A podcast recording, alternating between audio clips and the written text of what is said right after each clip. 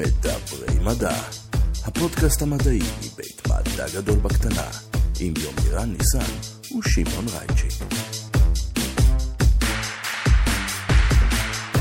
ברוכים הבאים למדברים מדע, הפודקאסט המדעי מבית מדע גדול בקטנה, יומירן ניסן, מה העניינים? בסדר, שמעון, מה קורה? אני רואה אותך בזום ואני משתגע, איך אתה בלי כובע אלומיניום? יש לי אותו, אני אבל לא יכול להציג אותו לקהל, כי אתה יודע, מנכ"ל מדע גדול בקטנה עם כובע אלומיניום, קצת... אה, בסדר. לא להדאיג אנשים. זה כובע אלומיניום אה, תקני, אה, N- N95.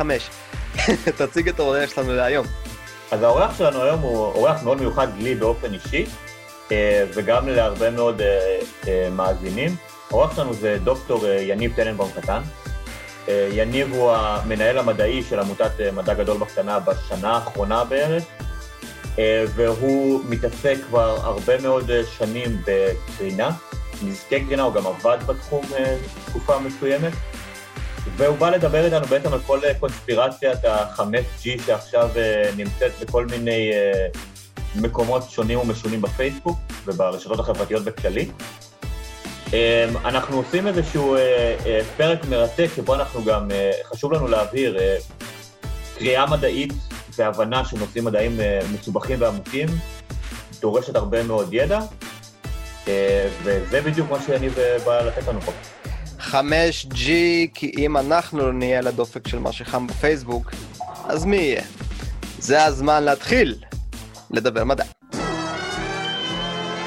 אהלן יניב, ברוך הבא למדברים מדע, מה העניינים? בסדר, בסדר, תודה שהזמנתם אותי. אתה פה קרוב כל הזמן, זה מפתיע שרק עכשיו אתה הגעת לפודקאסט. כן, אני גם נורא אוהב פרסום, אז בכלל זה מפתיע.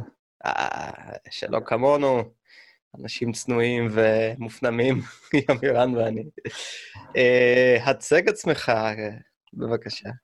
טוב, אה, אז אני פיזיקאי במקור, אה, ובעבר שלי יש גם תקופה של עבודה בתור פקח קרינה מייננת, בכל מיני מקומות. כן. היום, היום אני הייטקיסט, אה, עבדתי בכמה חברות, בעיקר בתפקידי ניהול, אה, ואין לי שום קשר לאף חברת סלולר, כי אני יודע שישאלו על זה אחר כך, ואף אחד לא משלם לי כסף מתעשיית הסלולר, עד כמה שאני יודע, אבל הם כן לוקחים ממני 150 שקל בחודש על קווים. זה לא רע, אה, יחסית לזה שאתה מקבל גם שהות וגם סרטן. אנחנו בנושא שנוי במחלוקת. סתם, הוא לא שנוי במחלוקת, פשוט יש סביבו הרבה... מה המילה, יומרני? הייפ תקשורתי נקרא לזה. נקרא לזה ככה. אני לא בטוח שזה תקשורתי, כי אני לא רואה את זה הרבה בתקשורת, אני כן רואה את זה בקבוצות של הקונספירציות. התיאוריה שלי זה שפשוט הם יודעים שכולם התעצבנו עליהם עכשיו על ההתנגדות חיסונים, כי קטע שחיסונים מתפוצץ לכולם בפנים ומבינים כמה זה חשוב, אז הם פשוט עברו לקונספירציה חדשה. הבנתי.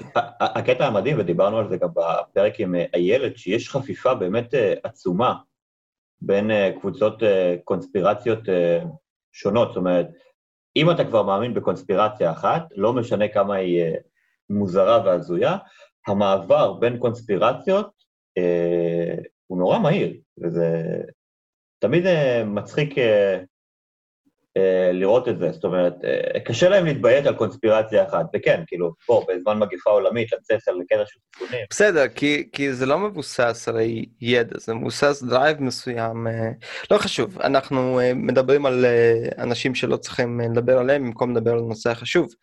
אה, מה זה אה, G5? טוב, אה, אז G5 זה פשוט הדור הבא של, אה, הטכנולוג... של הטכנולוגיה בכל מה שקשור להעברת נתונים סלולרית.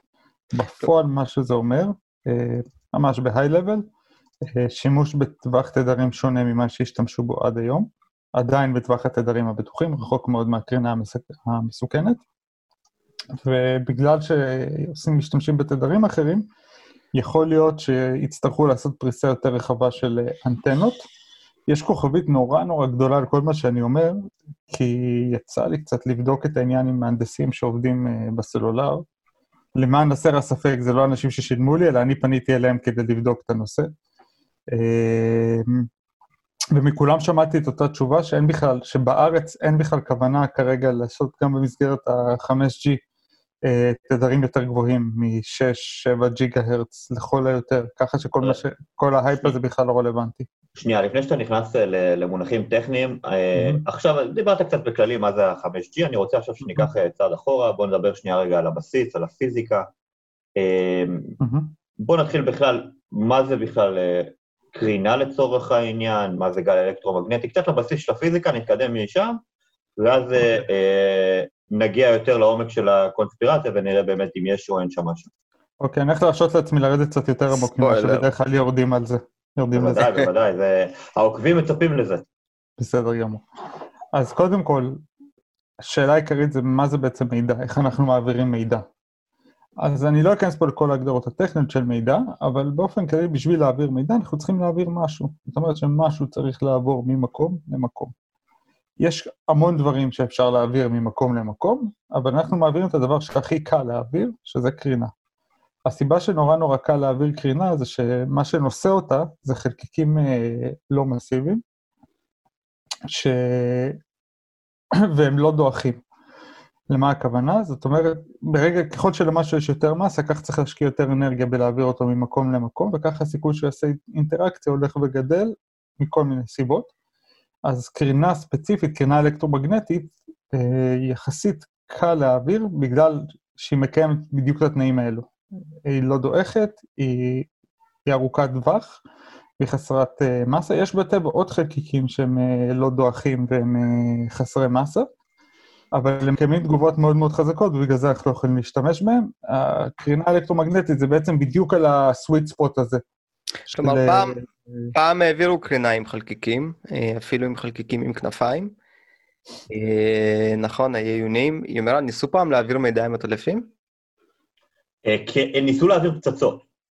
אה, וואלה. ניסו, כן, במלחמת העולם השנייה האמריקאים אה, ניסו להשתמש ביכולת הניווט המטורפת של הטלפים עם פצצות תבערה אה, שכוונו לערים וליפניות, שעשויות בעיקר היו מנייר ועץ בזמנו. הקטע הוא שהם שכחו זה שהטלפים תמיד חוזרים הביתה. אה, אז אה, כן, זה, זה לא כל כך הצליח להם, אבל כן, הם ניסו... יניב, זה- חלקיקים- כן, בוא נחזור לחלקיקים. חלקיקים. אלקטרומגנטיים חוזרים הביתה? האמת שבמאיצים אה, מעגליים, כן. במאיצים מעגל. מאיץ בסרן בהחלט, הם חוזרים הביתה עוד פעם ועוד פעם ועוד פעם. אוקיי, אז אנחנו יורים אה, חלקיקים חסרי מסה, אה, חל- חלקיקים אלקטרומגנטיים, פוטונים, הם לא, אה, לא הייתי קורא בחלקים אלקטרומגנטיים. גלי, גלים אלקטרומגנטיים. אה, אוקיי, אז מה הלאה? אוקיי, אז עכשיו אנחנו צריכים איכשהו להעביר מידע בעזרת הדבר הזה. זה שמגיע אליך, אני מדמיין את זה כאילו אנחנו זורקים גולות אחד על השני. אז צריך שיהיה איזשהו מידע בגולה הזאת בשביל שאני אעביר לך את זה. אז בשביל, הדרך שלנו לפרמל את המידע זה להשתמש בתכונות של הגלים. זאת אומרת, לכל גל יש כמה תכונות בסיסיות, שאני כבר אסביר מהן, והתכונות האלה מאופיינות על ידי מספר, ובעצם כשאנחנו מעבירים את הגל, אפשר לדמיין את זה כאילו אנחנו מעבירים מספר, והמספר הזה זה התכונות שלו. בפועל, uh, המספר העיקרי שמאפיין גל זה מה שנקרא תדר. תדר uh, והאנרגיה של גל הם פחות או יותר אותו דבר, עד כדי איזשהו קבוע uh, מספרי, כשאפשר לדמיין את התדר כמו הקצב שבו הגל עושה את האוסצילציות. אני מניח שרוב הצופים שלנו מכירים את התמונות המפורסמות האלה של גלים. האמת שאולי נלך שנייה למשהו שאפשר לראות. בגלי ים למשל, ככל שהתדר יותר גבוה, ככה הגל יתקדם, אה, יתקדם יותר מהר ויעלה וירד יותר מהר. יש קצת, אה, בגלים אלקטרומגנטיים זה קצת יותר עדין, צריך להפריד בין שני סוגים של מהירויות שנקראות מהירות פאזה ומהירות חבורה. אה, המהירות שבו הגל מתקדם והמהירות שבו הגל עושה את האוסצילציות לא חייב להיות אותו דבר, אבל בצורה פשטנית לפודקאסט הזה, מניח שאנחנו מדברים רק על גלים בצבע אחד, כאילו מונוכרומטיים, כמו שפיזיקאים נורא אוהבים לקחת את המקרה הכי קל והכי פשוט, אז מה שאני אומר זה מספיק טוב. בכל מקרה, הרעיון זה שלכל גל יש את הגודל הזה שנקרא תדר, ואם אנחנו מעבירים גל, אז אנחנו בעצם יכולים להעביר מידע שהוא התדר שלו. אמרת רק... המילה אוסילציה כמה פעמים? אתה רק יכול להסביר כן, אותה בבקשה? כן, סליחה, כן. אוסילציה זה תנודה. אפשר לדמיין, אם אנחנו מדמיינים גל ים, אז אנחנו רואים שהוא יכול לעלות ולרדת חזרה, לעלות ולרדת חזרה. התנועה הזאת של לעלות ולרדת חזרה נקראת אוסצילציה. כלומר, אני אה, רוצה להדגיש פה רק, רק רעיון אה, מאוד מעניין שאתה אה, מדבר עליו, אה, ובעיניי זו נקודה, זו נקודה מדהימה. כדי להעביר את המידע, אנחנו משתמשים כאמור ב, בדבר טבעי שאנחנו מקריאים גלים, וזה מדהים כמה גל זה דבר פשוט. זאת אומרת, גל יש לו את אותו תדר, יש גם אמפליטודה, אבל קשה מאוד להתייחס אליה. ב... לא, אני כבר אדבר על אמפליטודה. כן, אבל-. אבל בסך הכל יש תכונה אחת לגלים אלקטרומגנטיים, ובעזרת התכונה הזאת אנחנו יכולים לקודד את כל המידע, כל האינטרנט שמגיע אליכם, כל uh, מיליוני הפקטות והאחדים והאפסים מקודדים בעזרת אותו מספר, uh, שזה התדר של הגל, שזה לב העניין פה.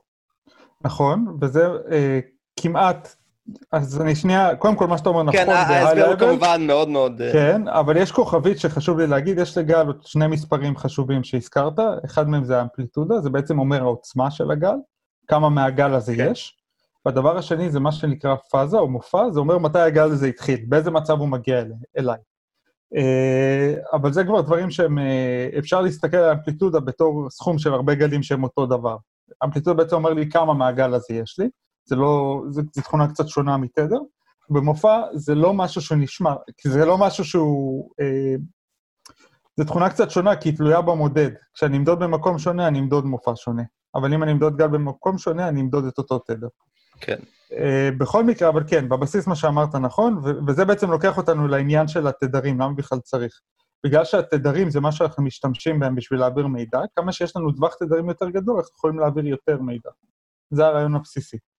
ברגע, ובמעבר ל- בין דורות של אה, סלולר, רוצים להעביר יותר ויותר מידע בקצב יותר מהיר, אז פשוט כל פעם מגדילים את טווח התדרים שמשתמשים בו. בגלל שככל שיש לנו יותר תדרים, אפשר להעביר יותר, אה, יותר מידע, והסיבה זה בערך מה שאמרת לפני חמש דקות. כלומר, אם אנחנו נסתכל על אה, מכשיר רדיו ישן, עדיין, עדיין יש כאלה, נכון?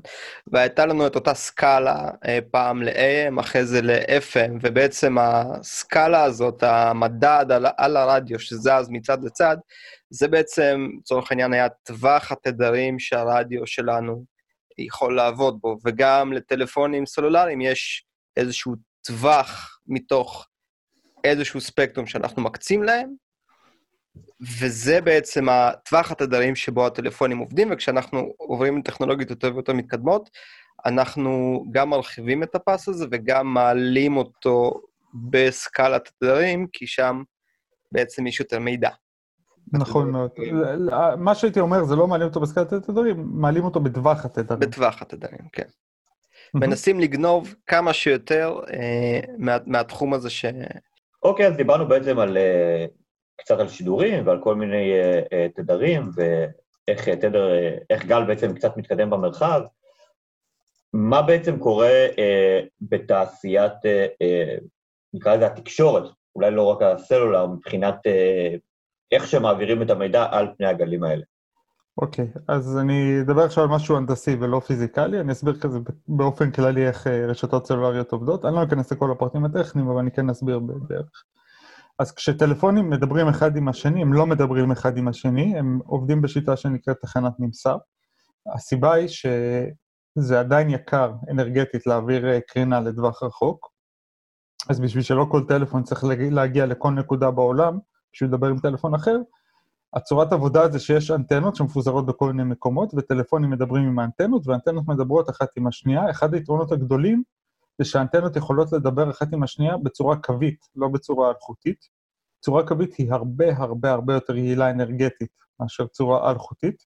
אתה פשוט שולט בלאן המידע הולך. כשאתה מפזר אה, גל האוויר, אתה לא, הוא פשוט מתפשט בצורה כדורית בדרך כלל. יש חריגים, אבל לא אכנס לזה פה.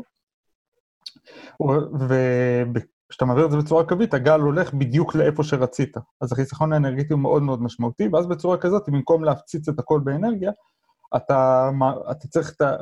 עיקר האנרגיה שאתה צריך זה של ההתחברות בין הטלפון הסלולרי לאנטנה שהכי קרובה אליו, והאנטנה מדברת עם האנטנה שהכי קרובה לטלפון שהוא מנסה לתקשר איתו, ומש... ושתי האנטנות מדברות ביניהם, ובצורה כזאת אתה בעצם סוגר את המעגל. יש גם עוד יתרון, שזה העובדה ששתי אנטנות מרוחקות מספיק יכולות לנצל את אותם תדרים, כי הם לא יפריעו אחת לשנייה, אה, נכון. בז- ואילו היית משדר את הכל לאיזושהי אנטנה מרכזית, אז כל טלפון היה צריך פס משלו. נכון, זה גם אה, נקודה חשובה. אה, בכל מקרה, אגב, זה המקור של השם אה, טלפון סלולרי, כל אה, אנטנה מכסה תא, אזור, האזור מסביב לאנטנה שהיא מכסה נקרא תא, או סל באנגלית, ומכאן המילה סלולרי. כן חשוב לי להגיד, אגב, שנייה, שזה כן נקודה חשובה, אה, אנטנות לא רק קולטות קרינה, אלא הן גם פולטות קרינה. הסיבה היא פשוט פיזיקה, אי אפשר רק לקלוט בלי לפלוט חזרה, אה, כי ככה היקום שלנו עובד. צריך גם לשדר חזרה לטלפון. יכול- נכון, וצריך גם לשדר חזרה לטלפון. כן, אחרת אה, השיחות... אה, אולי שיחות עם אנשים מסוימים יישמעו ככה טוב, שזה חד-כיווני, אבל, אה, אבל רק חלק קטן. אז תגיד, אז איפה פה הסכנה? זאת אומרת, אנחנו כן יודעים ש... אה, עוד לא נכנסנו ממש למה זה קרינה, אבל אנחנו כן חוששים מזה שאנטנות כאלה יהיו קרובות אלינו, למה? אוקיי, אז בטח שמתם לב שהשתמשתי הרבה במילה אנרגיה. כן. וזו נקודה מאוד חשובה. אז אמרתי לכם שמשתמשים בגלים בשביל להעביר מידע ממקום למקום, אבל לא הסברתי מה קורה כשהגל מגיע ליעד שלו. וזו הנקודה החשובה פה. כשגל אלקטרומגנטי פוגע במשהו, אתם יכולים לדמיין את זה כמו שני דברים שמתנגשים אחד בשני. הוא יעביר חלק מהאנרגיה שלו, אם לא את כל האנרגיה שלו, זה תלוי מאוד בסיטואציה, למה שהוא פוגע בו. כמו שני כדורי ביליארד. בדיוק. כן. בדיוק, בדיוק. וכשגלים הם, ככל שגלים הם יותר אנרגטיים, ככה הם יעבירו יותר אנרגיה. כן. אז הסכנה היא, יש בעצם שתי סכנות עיקריות, ובגלל זה, ויש הפרדה מאוד ברורה בין שני סוגים של אה, קרינה בגלל זה. Uh, הסכנה הראשונה היא חימום. חימום זה משהו שיכול לעבור בצורה רציפה. זאת אומרת שאם אני אעביר, אה, אם אני אקח גלים באנרגיה נמוכה, ואני אקח המון המון המון המון מהם, הם ימשיכו לחמם, וימשיכו וימשיכו וימשיכו וימשיכו. זה למעשה מיקרוגל בצורה מסוימת, הוא פשוט מעביר את החום שהוא מייצר בצורה מאוד מאוד טובה לאוכל, אבל זה לא גל שונה באיזושהי צורה מגל אלקטרומגנטי, הוא פשוט בתדר אחר. רגע, רגע, רגע. אמרת ש... אני לא יודע איזה מיקרוגלים אתה פגשת, המיקרוגלים שאני פגשתי בעיקר היו מעבירים את האנרגיה הזאת לצלחת ולא לאוכל. לא, בסדר, ברור, זה, זה בכוונה, כאילו- כדי, ש, כדי שלא לא תרגיש טוב מדי עם עצמך כשאתה אוכל ארוחה מהפריזר, זה, זה by design. יש פה אלמנט עיצוב אה, פסיכולוגי. אבל... אני חושב, אגב, שבגלל זה גם שמים על מיקרוגל עם הרעש, תראה את עצמך עם האוכל העלוב הזה ותרגיש רע עם עצמך. כן, אבל. אה, רק רציתי להגיד ש, שבעצם זו דוגמה אה, טובה לקרינה שהיא איננה מייננת, אבל היא מאוד מאוד טובה בלהעביר חום. כן, כל הקרינות, אגב, מעבירות, יכולות להעביר חום, זה פשוט תלוי במה היעד. כן, כן, ש- ספציפית, ה- התדר הזה של המיקרוגל והאוכל שלנו, מים, הם פשוט אוהבים אחד את השני מאוד. בדיוק, בדיוק. אז זה סוג אחד של אה, דברים שקרינה יכולה לעשות. אה, סוג שני של דבר- דברים שקרינה יכולה לעשות זה אה, שבירה של קשרים כימיים או עינון. אם לקרינה יש מספיק אנרגיה, בשביל לנתק אה, קשר כימי, היא יכולה לשבור אותו. עכשיו, יש פה נקודה מאוד חשובה בהקשר הזה. בניגוד לעולם הקלאסי, שבו אם אני אדפוק על משהו מספיק פעמים, גם אם אני אדפוק חלש, בסוף הוא יישבר, בעולם הקוונטי זה לא עובד ככה. יש תופעה מאוד חשובה שנקראת אה, רזוננס, תהודה, בפו, שהיא קיימת גם בעולם הקלאסי, אבל בצורה שונה קצת. בעולם הקלאסי אנחנו מכירים את זה, בטח, אני מניח שרוב האנשים פראו את הסרטים המגניבים של רעידות אדמה בתדר מאוד מסוים, שגורמות לגשרים או בניינים לראות בצורה מטורפת. כן, אז- של אז- רוחות גם, כן. בדיוק. אז בעולם הקלאסי מה שקורה זה שכשאתה אה, לא ברזוננס, אתה עדיין תזיז את זה, פשוט לא דרמטי. בעולם הגוונטי הכל נהיה בדיוק כמו השם של זה גוונטי. זה, או שאתה עושה את זה או שלא. כלומר, לא מח- מחולק ליחידות דיסקרטיות, יש קוונטות של משהו יכול להיות ברמה א' או ב', אבל לא נכון. ביניהן. בוא, בוא נכון. נגיד רק, אה, נראה לי שההגדרה הכי טובה ל, ל, למונח הזה, קוונטי, אה, זה מנות, כלומר, ש, שיש לך כן. בעצם אה, מעברים שהם לא ליניאריים, אלא אתה ממש קופץ בין מדרגות שונות, או בין מנות שונות. בדיוק. אז בעולם הגוונטי, או שאתה, אם אתה ברזוננס, אתה תשבור את הקשר הכימי, אם אתה לא ברזוננס, אתה לא תשבור את הקשר הכימי. ובעצם כל האנרגיה אה, כביכול השקעת, פשוט תמשיך הלאה עם הגל ולא תשפיע בכלל על החלקיק. לא הייתי אומר לא תשפיע בכלל, היא כן יכולה לגרום לו לרטוט, אבל כן, זה לא יעשה נזק משמעותי, והוא יחזור לעצמו מהר מאוד, בסקלות זמן שמבחינתנו נראות כמו מיד. כן. חשוב לי להגיד, אגב, שיש עוד הרבה אפקטים שקרינה יכולה לעשות, אבל הם פחות חשובים פה, הם, כמו למשל להעביר כיתוב, שזה עוד תכונה של הגל שלא הזכרתי, הם, להעביר תנע, תנע זוויתי וכך הלאה, ממש כמו כל דבר שחלקי קלאסי יכול להעביר, גם, גם גל יכול להעביר. האפקטים האלה הם פשוט הרבה הרבה פחות משמעותיים בכל מה שקשור לנזקים ביולוגיים, רובם הם לא מזיקים, ו... וגם אם הם מזיקים זה בעוצמות מטורפות שהן פשוט לא רלוונטיות פה, בגלל זה אני לא מדבר עליהם כל כך ב... בהקשר הזה. אז בוא נדבר על החלק האהוב עליי בכל הסיפור, וזה קרינה מעניינת, כי כולנו ראינו צ'רנוביל. האמת שאני עוד לא ראיתי צ'רנוביל. אתה מבין שיניב עשה אה, סדרת אה, הרצאות על צ'רנוביל, כתב סדרת פוסטים. אתה יודע, אני יכול להבין למה, אם זה מה שעשית, למה לא בער לך לראות צ'רנוביל? כן. זה בדיוק נכון. כשיש לך הרבה ידע על משהו, אז לראות אנשים שוחטים את הסיפור. אה, אני ראיתי חלק מצ'רנוביל, לא ראיתי את כולו, והאמת היא עשויה ממש יפה. אבל כן. בוא, בוא נדבר על קרינה. אוקיי. מה זה קרינה מייננת? קרינה... כבר הגענו לקטע שהיא הורסת.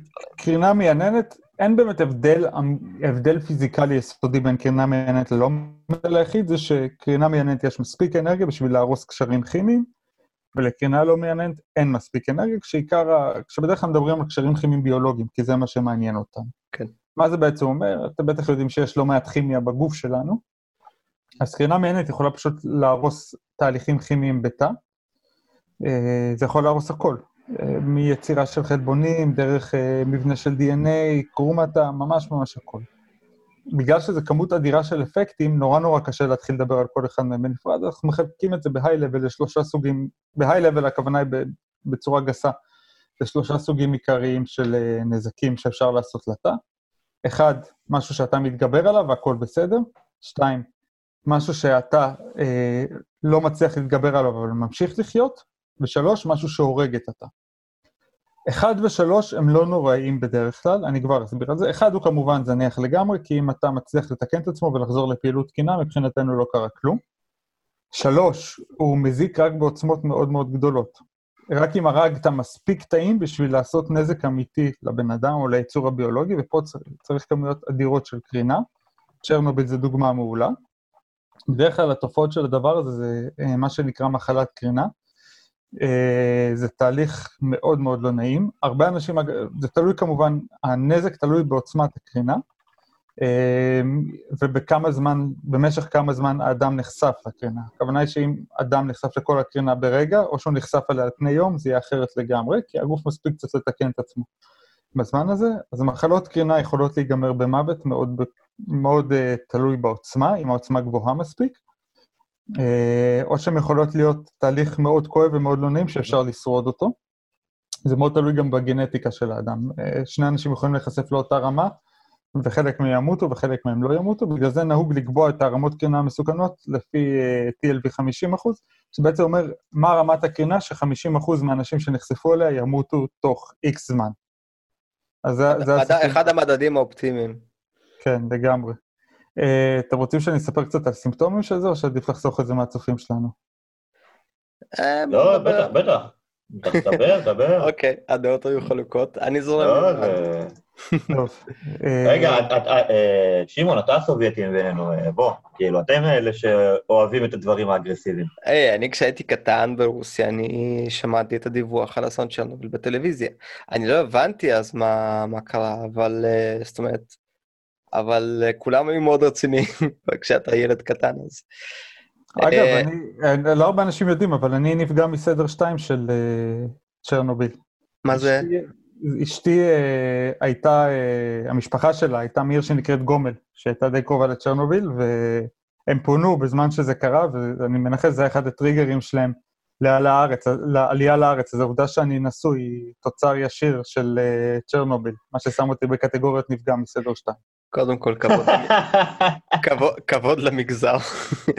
אה, לפני שאנחנו מדברים שנייה, אה, אם אנחנו כבר מדברים על אה, צ'רנוביל, לפני שאתה מדבר על הסימפטומים, בעצם ב, במקורות קרינה רדיואקטיביים יש כמה סוגי קרינה. יש קרינה אלפא, בטא וגמא, שרק אחת מהן רלוונטית לקרינה אלקטרומגנטית. ובאנטנות סלולריות אין את שתי הקרינות האחרות שהן גם... אה, זאת אומרת, רק שלא נבלבל בין צ'רנוביל לבין אנטנות סלולריות, אלה דברים מאוד מאוד רחוקים. כן, יש פה כמה הבדלים. קודם כל, אה, אז כן, כמו שאמרת, קרינת אלפא וקרינת בטא הן קרינות מסיביות, זה חלקיקים מסיביים. הן עושות הרבה הרבה הרבה יותר נזק, אבל הן עושות אותו לטווח הרבה יותר קצר. כן. זאת, זאת אומרת שהן חודרות הרבה פחות, והן מסוכנות בעיקר מחשיפה מאוד מאוד מקרוב. אלפא לא חודרת את העור, היא מסוכנת רק אם בולעים חומרים שפולטים, או בולעים או נושמים, או איכשהו חודר לגוף חומרים שפולטים אלפא. כן. בטא כן חודרת את העור, יכולה לגרום לתופעות ממש מחרידות, אה, מה שנקרא כוויות בטא, מי שרוצה שיעשה על זה גוגל. אני אחשוף את זה אבל אפשר לעצור אותה עם דף נייר? את בטא, את אלפא אפשר לעצור עם דף נייר, עם בטא אפשר לעצור, אני מניח, תלוי בעוצמה של הבטא, אבל בטא אפשר לעצור גם די בקלות. כאילו קרטון עבה כנראה יעצור בטא. בטווחים הסטנדרטיים, כן. בדרך כלל בטא היא מאוד, היא מאוד לא אנרגטית, את רוב קרינות הבטא גם דף נייר יעצור, כן. אוקיי. אוקיי. אוקיי וידידנו הקרינה האלקטרומגנטית, ידידתנו. אז ההבדל העיקרי בין אה, הקרינות בכורים גרעיניים לבין הקרינה הסלולרית זה האנרגיה, התדרים. בכורים אה, גרעיניים אנחנו מדברים על קרינה שהיא בין פי עשרת אלפים לפי מיליארד, מיליארד מיליארדים. כאילו זה, זה כל כך הרבה סדרי גודל וזה אנרגיות אחרות לגמרי, שפשוט אי אפשר להשוות. זה כמו ההבדל בין אה, לזרוק, לגלגל אליך כדורגל לבין אה, לראות עליך כדורגל אה, מרופד בבטון מתותח. פחות או יותר. אך, ימי התיכון העליזים. כן. אה, אוקיי. משחק בשכונה עם מקאסה, חבר'ה, ככה זה מרגיש. ומה הסימפטומים כשזה קורה לך? שמה קורה? מחלות קרינה. מחלות קרינה. כן. טוב, אז אני אסביר שנייה למה זה קורה, ואז...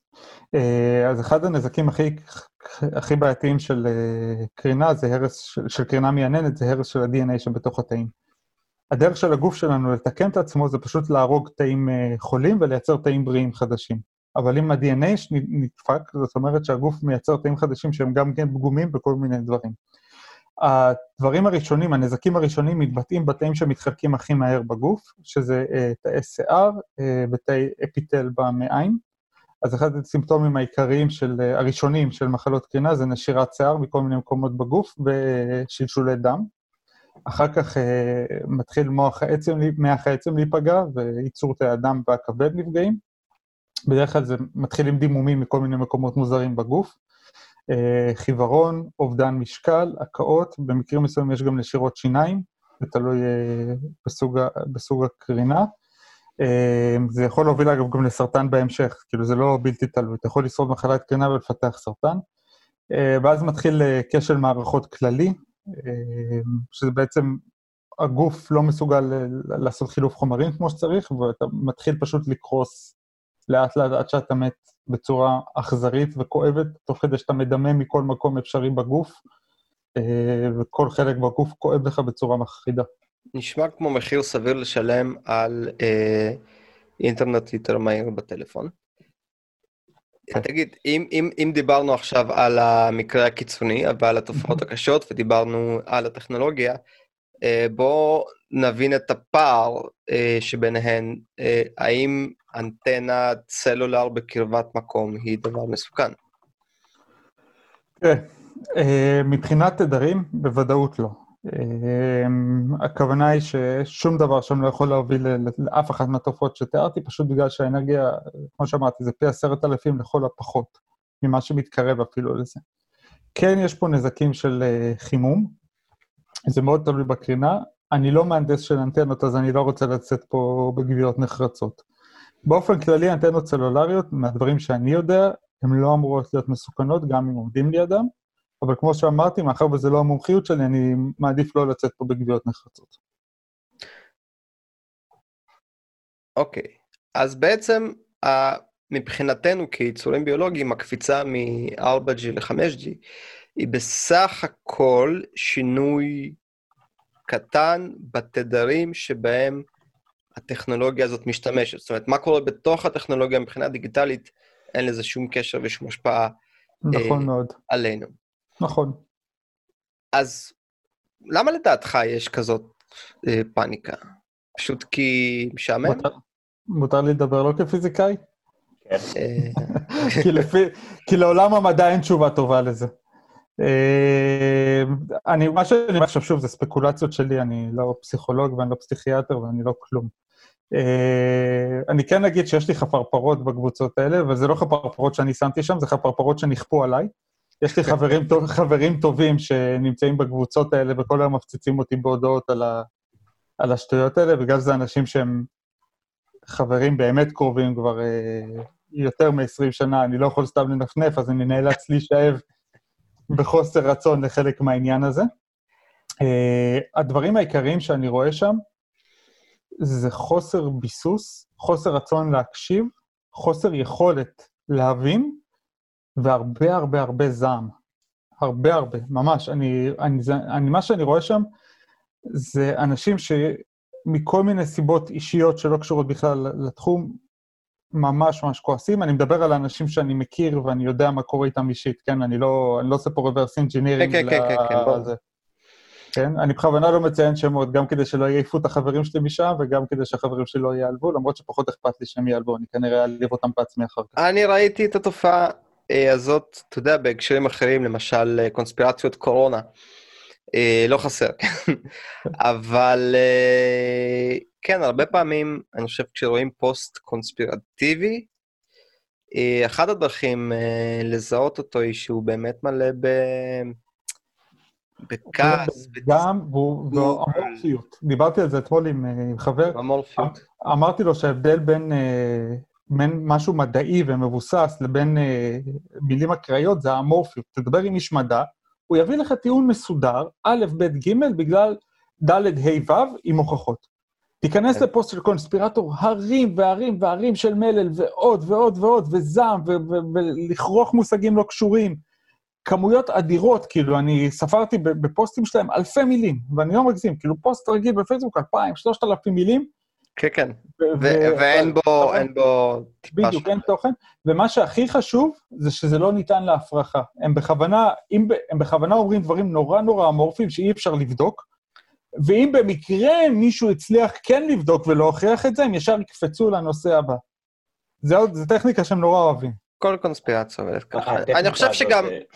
אה, אה, הטכניקה הזו אה, מוכרת, ידועה, היא נקראת גיש גלופ, זה להפציץ את הצד השני במלא מלא מלא מלא מלא מלא אה, אה, תוכן, וכשאני אומר תוכן אני לא מתכוון לזה שיש יש בסיס או איזשהו תוכן אמיתי, אלא פשוט מלא מלא כישורים, לינקים, סרטונים, אה, אתה יודע, אה, נותנים לך אה, סרטון, אה, סרט ביוטיוב של שעתיים וחצי, זה מפריך את הטענה שלך. אני רוצה, אני רוצה, אני רוצה שנייה אה, גם לעמוד מהצד השני ודקה להגן אה, על האנשים האלה. אה, כולנו בשלב כזה או אחר בחיים, בחיים המקצועיים אפילו, אה, עושים הנחות לא מבוססות, יש לנו ראיית עולם אה, סובייקטיבית שלא תואמת אה, את המציאות תמיד, ואנחנו תמיד מגנים על הדעות שלנו ב... אה, אתם יודעים, בצורה מאוד... אה, מה המילה שאני מחפש? נחרצת? נחרצת, תודה. אה, ולא תמיד אנחנו צודקים, ואני לא חושב שהאנשים האלה עושים משהו שונה מכל אחד אחר, הם פשוט עושים את זה אוקיי, אז אני רוצה... בכמות או בנחרצות אחרת. שוב, אני חושב שכאילו, אתה יודע, אתם יודעים, הדרך להגיע אליהם היא הסברה וסבלנות, ולא, לא, לא, לא, לא, לא. ולא לא, להגיד... לא, לא, לא, לא, לא, לא, לא. מניסיון של שנים זה לא עובד. מניסיון עם חברים קרובים, שאני אוהב כמו אחים, זה לא אנשים זרים, זה אנשים שאוכלים אצלנו ארוחות שישי, כאילו, והם באמת כמו אחים שלי, ואני מדבר איתם על זה עשרות שנים, הסברה לא עוזרת. אוקיי. אבל כן, יש לי קיבל משהו חשוב- תפנית עצומה. יש לי משהו כן חשוב להגיד על, על מה שאמרת. כן. אחד הדברים, אחד הטיעונים שקונספירטורים נורא אוהבים, זה לקחת איזו תופעה, למשל עם הסלולר, אומרים לי, אתה יכול להגיד לי ב-100% מעבר לכל ספק שקרינת רדיו לא מסוכנת? אמר להם, לא, אני יכול להגיד לכם ב-99.999 אחוז, שזה לא מסוכן, כי עשינו ככה וככה מחקרים. אז הנה, אתה רואה, זה מסוכן. וזה די מתמצת את הגישה. כל אדם מטיל ספק, אבל קונספירטורים לא מטילים ספק. קונספירטורים בטוחים באמונה דתית, באמונה שלהם, ואי אפשר להזיז אותם. הכוונה היא שהתופעה שתיארת, שכל אדם מתעקש ברמה כזאת או אחרת, היא נכונה, השאלה היא כמה הוא מתעקש. ויש הבדל. מאוד גדול בין בן אדם שיתעקש ואתה תביא לו הוכחות מוצקות ויגיד, וואלה, אני צריך לחשוב על זה, לבין בן אדם שיתעקש, תביא לו הוכחות מוצקות ויגיד מישהו שחרר את זה. אבל אני לא מדבר על הוכחות מוצקות, אני לא מדבר על הוכחות מוצקות, דווקא לא. אני לא מדבר בהכרח על טיעונים לוגיים ו...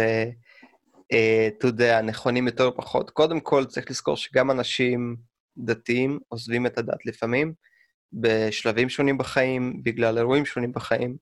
זה שונה, כי... זה, זה, ש... זה שונה, אבל, אבל, אבל זה מתחבר לי, אתה יודע, לאותה תמונה. זאת אומרת, כשאנחנו... אה, אני חושב ששוב, כמובן לא כולם, ואנחנו מדברים על, אתה יודע, אה, על, על כמויות מאוד גדולות של אנשים, וכל אחד מהם אה, עושה את מה שהוא עושה מסיבותיו, הוא שלו או שלה. אבל אני חושב שאנחנו צריכים לנטרל קצת את השנאה מהשיח הזה, וזה קשה לנו, כי אנחנו באמת... כי אנחנו, לא. רואים, כי אנחנו רואים את האנשים האלה מתנגשים בנו כל הזמן, אבל אנחנו מפספסים לא את הפנאטים, כי איתם באמת לא תמיד יש מה לעשות, אנחנו מפספסים בעיניי, כן? זאת, זאת, זאת דעתי המאוד אישית. אנחנו מפספסים את האמצע של אנשים שלא יודעים למי להקשיב, והם הרבה פעמים ילכו למקום השני כי הוא מקבל אותם ולא כי הוא אה, נכון יותר. אני מסכים איתך לגמרי. Uh, הבעיה היא שיש דברים שאני כאיש מדע לא יכול להציע להם. כשלמישהי יש, נולד ילד ויש לו איזושהי מחלה גנטית קשה, אני לא יכול לבוא ולחבק אותה ולהגיד לה, הכל בסדר איתך, את בריאה לגמרי, זה החולרות האלה שדחפו לו אלומיניום בחיסון ולה, ולהצדיק כל דבר שהיא אומרת, כי אני מחויב לאמת. הם לא מעניין אותם האמת, הם רק רוצים שהאישה הזאת תדקלם את המסרים שלהם, יכולים להגיד לה מה שהם רוצים. וזו מגבלה מאוד מאוד קשה, בגלל ששום דבר שאני אגיד לה לא, יתח... לא יתחרה בחיבוק הזה שהיא מקבלת מהם. אני רק אוסיף אה, דבר נוסף על אה, מה שיניב אמר, וגם על מה שאתה אמרת, שמעון. אנחנו תמיד, בהנגשת מדע, ואני מדבר שנייה רגע על הצד שלנו כ... כמנגישי מדע כבר uh, כמה שנים טובות uh, לציבור הישראלי, אנחנו אף פעם לא מדברים עם הקונספירטור, או עם אותו אחד שעושה לנו את הגיש גלופ. אנחנו תמיד מדברים מעל הראש שלו בדיוק אל מי שאתה אמרת, אלה אנשים שנמצאים על הגדר, שמחפשים, שבאמת מחפשים, לא שמפציצים אותך בלעומתיות, אלא אנשים באמת שמחפשים את ה... את ה... נקרא לזה, את המקור המבוסס ואת איש המקצוע הרציני, שם אנחנו. מי שמחפש אותנו כאנשי מקצוע, ימצא אותנו. מי שבא להתנגח, אה, וזה גם היופי של מדע גדול בקטנה, ימצא אותנו קצת פחות, אה, נראה לי, אה, ממלכתיים ומקבלים. אבל כן, את החיבוק, וזה גם אחד החסרונות אולי של המדע, המדע לא נותן חיבוקים. המדע נותן לך תוצאות ומציאות כמו שהיא עולה מהתוצאות. לטוב, רע, כל אחד שיקח את זה לאיפה שהוא רוצה, אבל זה מה שיש. אתה איש מדע היום. אה, אתה יודע, אה, אה, בימים, בלילות אני משהו אחר. אז איך נתת לי חיבוק פעם? אה? אתה שקרן, אדוני. א', זה לא היה בהסכמה, זה דבר ראשון. שמעון, יניב, בוא ניכנס אבל חזרה, ברשותך, למדע. דיברנו על העברת מידע, דיברנו קצת על תדרים, בוא שנייה רגע נדבר יותר תכלס על ה-5G. מה בעצם טווח התדרים המדובר, כן. במה, במה הוא שונה מטווח התדרים הקיים ברשת הקיימת, ומה הצורך שבעצם ה-5G אה, מבחינה הנדסית דורש. אוקיי, okay, אז אני אדבר בסדרי גודל, לא במספרים מדויקים, כי זה משתנה ממדינה למדינה, ואני רוצה שזה יהיה יחסית כללי. אז בסדרי גודל ה-4G דיבר פחות או יותר על 5 גיגה הרץ. ה-5G מדבר על עשרות ג'יגה הרץ, 70, 80, השיא. בארץ דיברו על עד 28 ג'יגה הרץ, וכמו שאמרתי, מאנשי מקצוע שבדקתי איתם, הבנתי שזה כנראה לא יעבור בכלל את ה-7, 6 ג'יגה הרץ.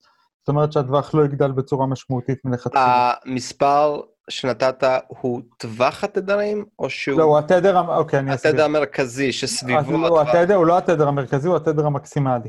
המקסימלי. אוקיי. הטווח התדרים זה בין סדר גודל של 1 גיגה הרץ לתדרים שאמרתי.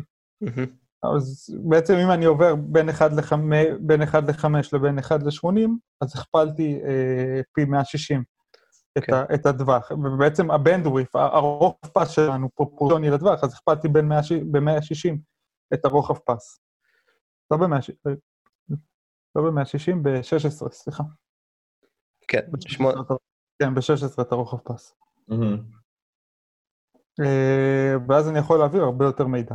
עכשיו, מה זה אומר מבחינה הנדסית? אה, אחת הבעיות זה שפיזיקה פיזיקה is a bitch, מה שנקרא, אה, והיא לא נותנת דברים בחינם, ויש לה את החוקים שלה, ואנחנו אל תדבר ככה, פיזיקה מקשיבה לפודקאסט.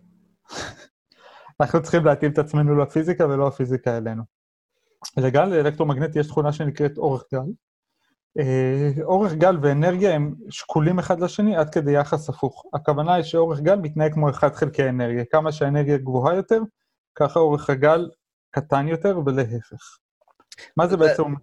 זה, זה מחובר, ל, זה, זה הפוך לתדר, זאת אומרת, אם יש לנו גל נכון. שמשתנה למעלה ולמטה הרבה פעמים, אז המרחק שבין כל פיק לפיק של גל כזה אה, יקטן. נכון. תדר גדל, אורך גל קטן, אה, כן. יותר מידע, יותר אנרגיה. כשת- כשהפודקאסט יעלה, אני אולי נעלה, אני אשלח לכם איזה שרטוט שתוכלו לעלות עם זה כדי שהצופים יבינו על מה אנחנו מדברים, אני חושב שזה מאוד, מאוד יעזור. אה, אורך גל, אז כמו ששמעון אה, אמר, זה המרחק במרחב בין אה, שתי אוסצילציות שהגל עושה. אמרתי לכם קודם שאם מסתכלים על גלי ים, אז הם עולים ויורדים, עולים ויורדים, עולים ויורדים. אז האורך גל זה בעצם המרחק בין עלייה לירידה. עכשיו, למה זה חשוב? אה, לאורך גל יש תכונה מאוד חשובה, וזה בעצם הגודל האופייני שהגל מרגיש. אה, גל מרגיש רק דברים שהם באורך גל שלו ומעלה, פחות או יותר.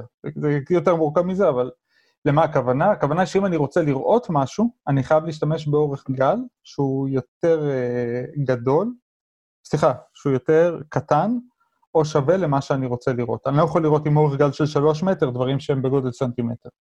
יש שיטות הנדסיות מתוחכמות שאני לא אכנס אליהן, עוד מעט יהיה פוסט על זה במדע גדול בקטנה, אבל uh, בצורה רגילה, סטנדרטית, בשביל שגל ירגיש משהו, צריך להיות באורך גל שלו יותר גדול מזה. יש דוגמה נורא יפה שרצה באינטרנט שאני נורא אוהב, שאני מסתכל נניח על גל, אם אני אעמוד מול הגל, הגל פשוט יסחוף אותי והוא לא ירגיש כלום, כי אני הרבה יותר קטן מהאורך גל שלו. אבל אם אני אשים שובר גלים, שזה כבר אובייקט גדול, שהוא, באורך, שהוא כבר בסדר גודל של האורך גל של, של הגל, אז השובר גלים ישבור אותו. וזה מדגים יפה את ההבדל בין uh, מה גל מרגיש לבין גל לא מרגיש.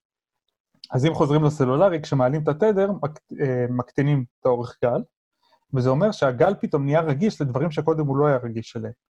ספציפית, הוא, קודם הוא לא היה רגיש בכלל לבניינים, קירות, אנשים, ועכשיו הוא הופך להיות יותר רגיש לזה. מה זה אומר רגיש? זה אומר שהוא מתעוות הרבה יותר בקלות, ואז המרחק בין אנטנות חייב לקטון. זאת אומרת שבשביל לעבוד בתדרים הרבה יותר גבוהים, המרחק בין אנטנות חייב להיות הרבה יותר קטן.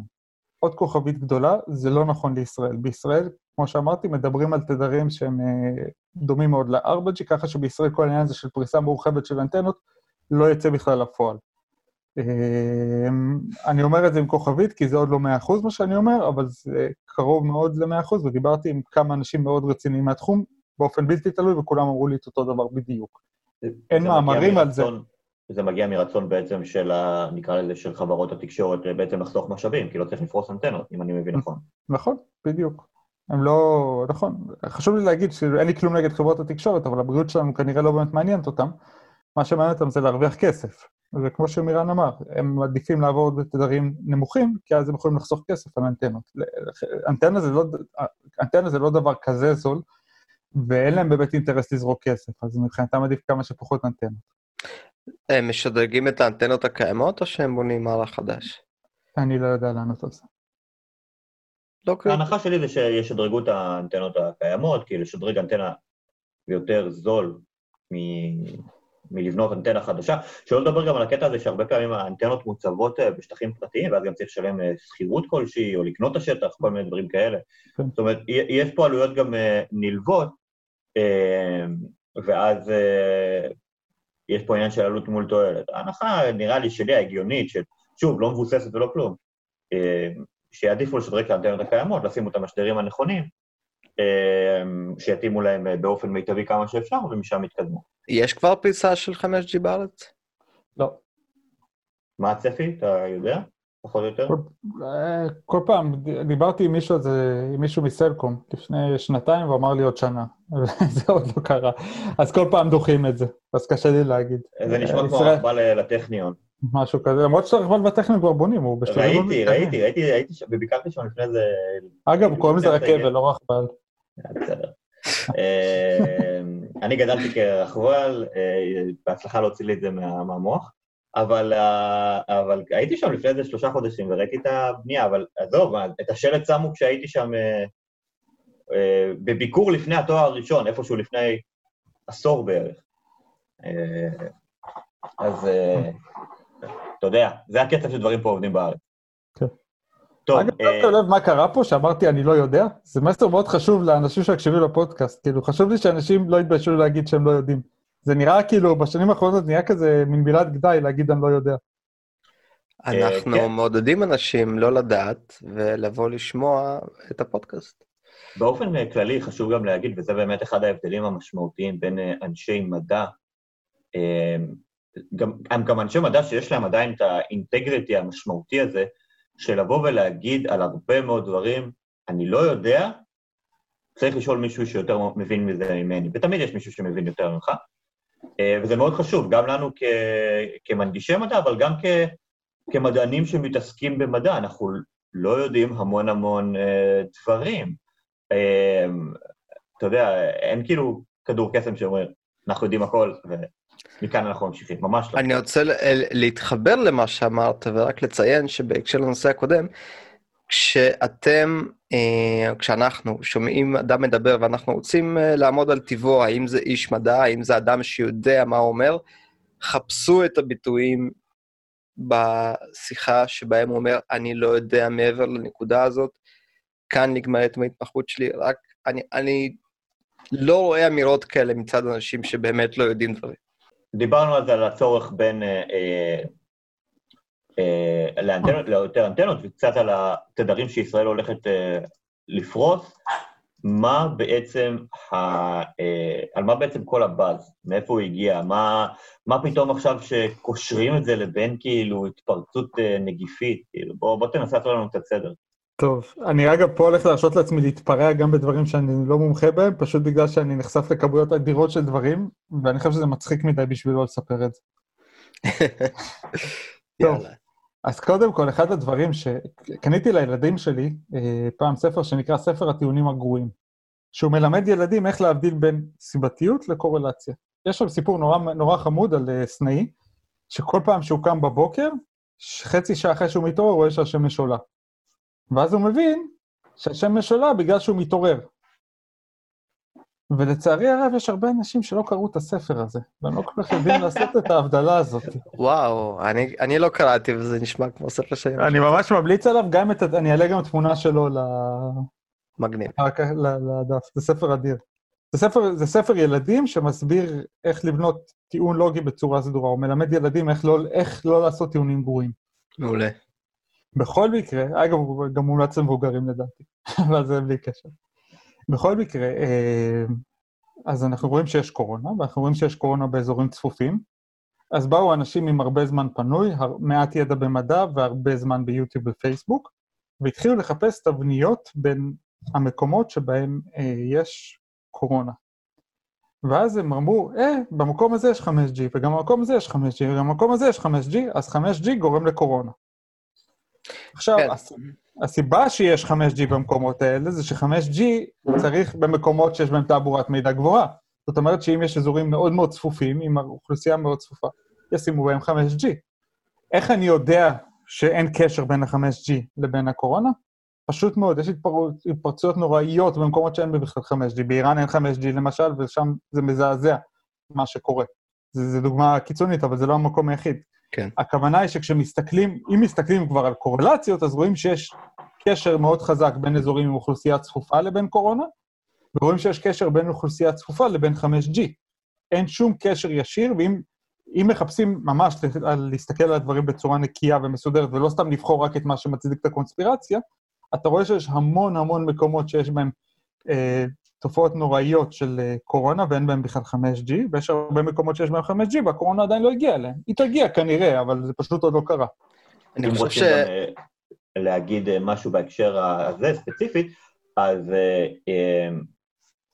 אחת הקורולציות הכי גדולות זה בין התפרצות הנגיפית עכשיו של הסארס 2, זה בעצם בין כינוסים דתיים, שהם כינוסים צפופים ואינטימיים, להתפרצות. גם בקוריאה זה התחיל משני uh, התכנסויות גדולות שבכנסיות, באיראן זה התחיל ממאמינים uh, שיעים שהגיעו מסין לאיראן, ובגלל זה גם צמרת הממשל נפגעה ראשונה, כי אלה אנשים די בכירים. Mm-hmm. גם בצרפת. גם בצרפת. גם פה בארץ אנחנו רואים הרבה מאוד בעיה באזורים ספציפית של, של, הקה, של הקהילה החרדית, כי פשוט ברגע שאתה שם אנשים במקום צפוף, זה מתפרץ uh, בצורה הרבה עוד, uh, שגם יש הרבה אינטראקציות, זה, זה מתפרץ בצורה יותר גדולה. חלק מהבעיה לדעתי גם של לקהילות הדתיות הקיצוניות, אין בהם באמת, הם לא מקשיבים למידע, הם מקשיבים לראשים שלהם, וגם אצל החרדים בארץ. ראינו שאמרו שצריך להפסיק עם זה, והם התעקשו להמשיך עם הבתי כנסת והמניינים, וזה מה שקורה. אה, כאילו, זה, זה, זה מחמיר את הבעיה. כן, אוקיי, אז, אז, אז זה בעצם כאילו רק עניין של זה. אה, אגב, לצורך העניין, אני תמיד אוהב לתת את הנסיבתיות אה, בין ההתחממות הגלובלית לכמות במעשי פיראטיות. כן. שמתרחשת במאה השנה האחרונות. ככל שהטמפרטורה העולמית עולה, ככה עולים כמות ניסיונות המעשיים הפיראטיים.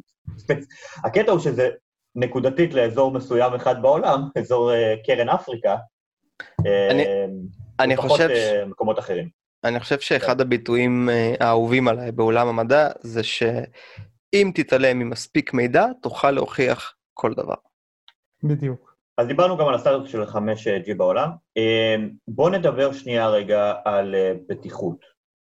אתה עבדת בעבר כפקח קרינה מייננת. קרינה מייננת, אנחנו מודעים לנזקים שלה במידה כזו או אחרת, מצילום רנטגן שעושים לחזה, ועד באמת כורים גרעיניים, ושלא נדע אסונות אחרים שקורים בקרינה מייננת. מה, מה בעצם המקורות מידע שלנו ומה בעצם אה, אה, החומר שיש לנו על ההיעדר הכמעט אה, אה, ודאי אה, של קרינה לא מייננת. אוקיי, okay. אז יש כמה דברים. קודם כל, יש עשרות אלפי מחקרים על זה, זה לא שאנחנו מחליטים שאנחנו יודעים. עכשיו, אנחנו נחשפים לקרינה לא מייננת בעוצמות הרבה יותר גבוהות, באנרגיות הרבה יותר גבוהות מה-5G כל יום.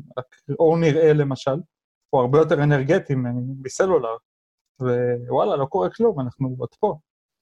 אה, אנחנו לא רואים עלייה, סלולר נמצא בשימוש כבר עשרות שנים, זה היה אמור להיות, אם היה איזשהו קשר בין זה לבין סרטן, אז היינו מצפים לראות איזושהי עלייה, ואנחנו לא רואים שום עלייה. עכשיו, פה יש הזזת שער מאוד uh, חזקה של הקונספירטורים. אני זוכר אותם צועקים בשנות ה-90 שכולנו נחטוף סרטן, זה לא קרה, אז עכשיו במקום להגיד, טעינו, הם אומרים, לא, זה בגלל שזה היה באנרגיות נמוכות, אבל עכשיו זה כן יקרה. ואחרי שב-5G זה לא יקרה, הם פשוט ימצאו משהו חדש להגיד, טוב, אז כל... הם לא יגידו טעינו, כי הם צריכים את הקונספירציה כנראה. יש אגב כאלה שגם מתפרנסים מזה, אז עליהם בכלל אה, קשה, קשה לצפות מהם להפסיק, זה כסף טוב קונספירציות. כל מה שיקרה זה שהם פשוט ימשיכו עם זה אה, לנושא הבא. בכל מקרה, יש עשרות אלפי מחקרים. הם יכולים כל... להחביא את הכסף מתחת לכדור הארץ השטוח בצד השני. לא, תשמע, זה מצחיק, אתה יודע, זה מרגיז, אבל אתה רואה אנשים כמו דל ביגטרי, שנהיו, סוזן המפרי, זה אנשים שהיו מאוד בינוניים, כלומניקים, התחילו להריץ קונספירציות, יושבים על עשרות מיליוני דולרים. דל ביגטריס שווה, הוא מולטי מיליונר. שיהיה להם בכיף. אני לא חושב שזה שיהיה להם בכיף, כי הם מעודדים אנשים לפגוע בעצמם בשביל הכסף הזה, בעיניי זה כסף דמים.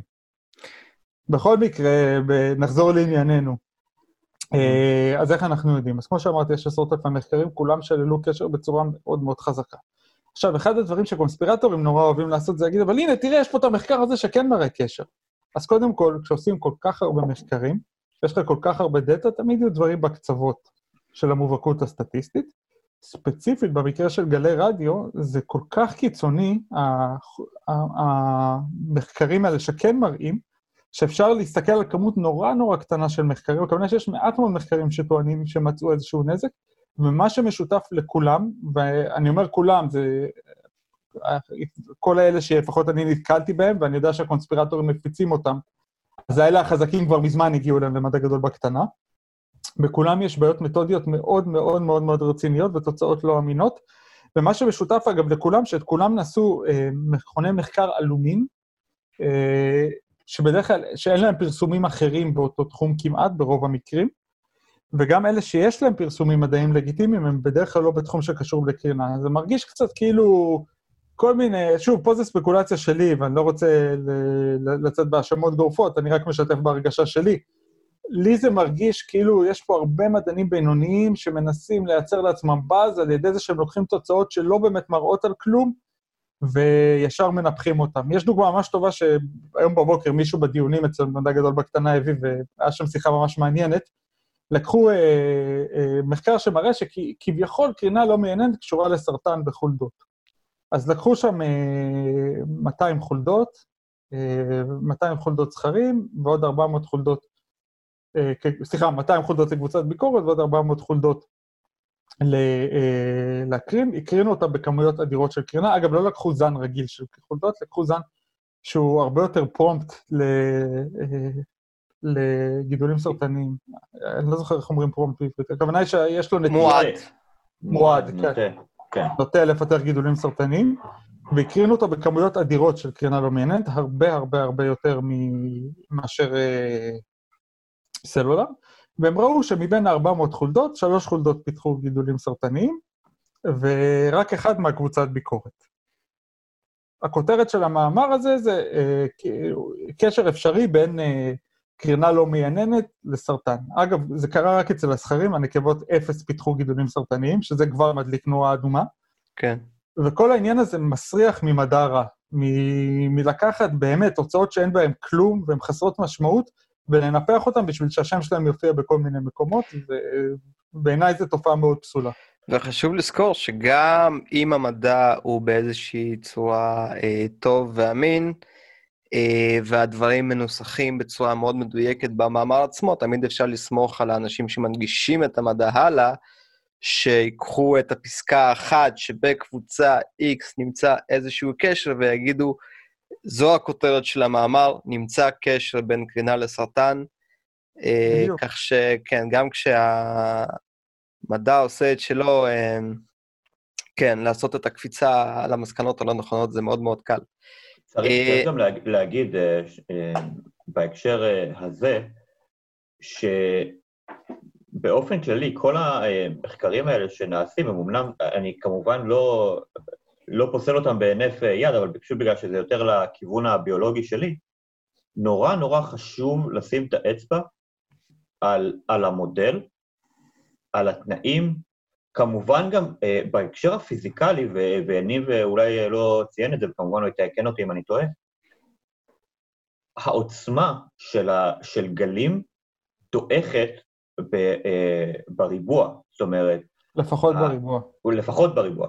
זאת אומרת, יש חתיכת הבדל לבין אם אתה אה, מח, הולך ומחבק אנטנה סלולרי, לבין אם אתה יושב אה, בבית שלך באופן קבוע, במרחק של 50 או 100 מטר ממנה, אה, ששם העוצמה כבר היא, אה, זה ירידה לוגריתמית מאוד מאוד מאוד חזקה. אה, זה דבר אחד. דבר שני, אה, אה, הייצור מודל שבו אתה משתמש, כמו שיניב אמר, לדוגמה, אה, זן עכברים שנוטה באופן ספונטני לפתח גידולים סרטניים, או קו תאים. המעבר מזה לבין מחקר אפידמיולוגי רציני על אוכלוסייה של בני אדם אה, הוא עצום, הוא עצום. זה כאילו, יש הרי סיבה למה אה, הרוב המכריע של תרופות שהצליחו ל- לרפא מחלות ספציפיות ב- ביצורי מודל, לא משנה מה היצור מודל הזה עכשיו, נכשלו בבני אדם, כי יש הבדלים ביולוגיים. אה, אנחנו מנסים לצמצם את זה כמה שאפשר, אבל בואו, הפער הוא עצום. אה, אין לנו עדיין דרך יותר טובה לעשות מדע בסיסי, כן?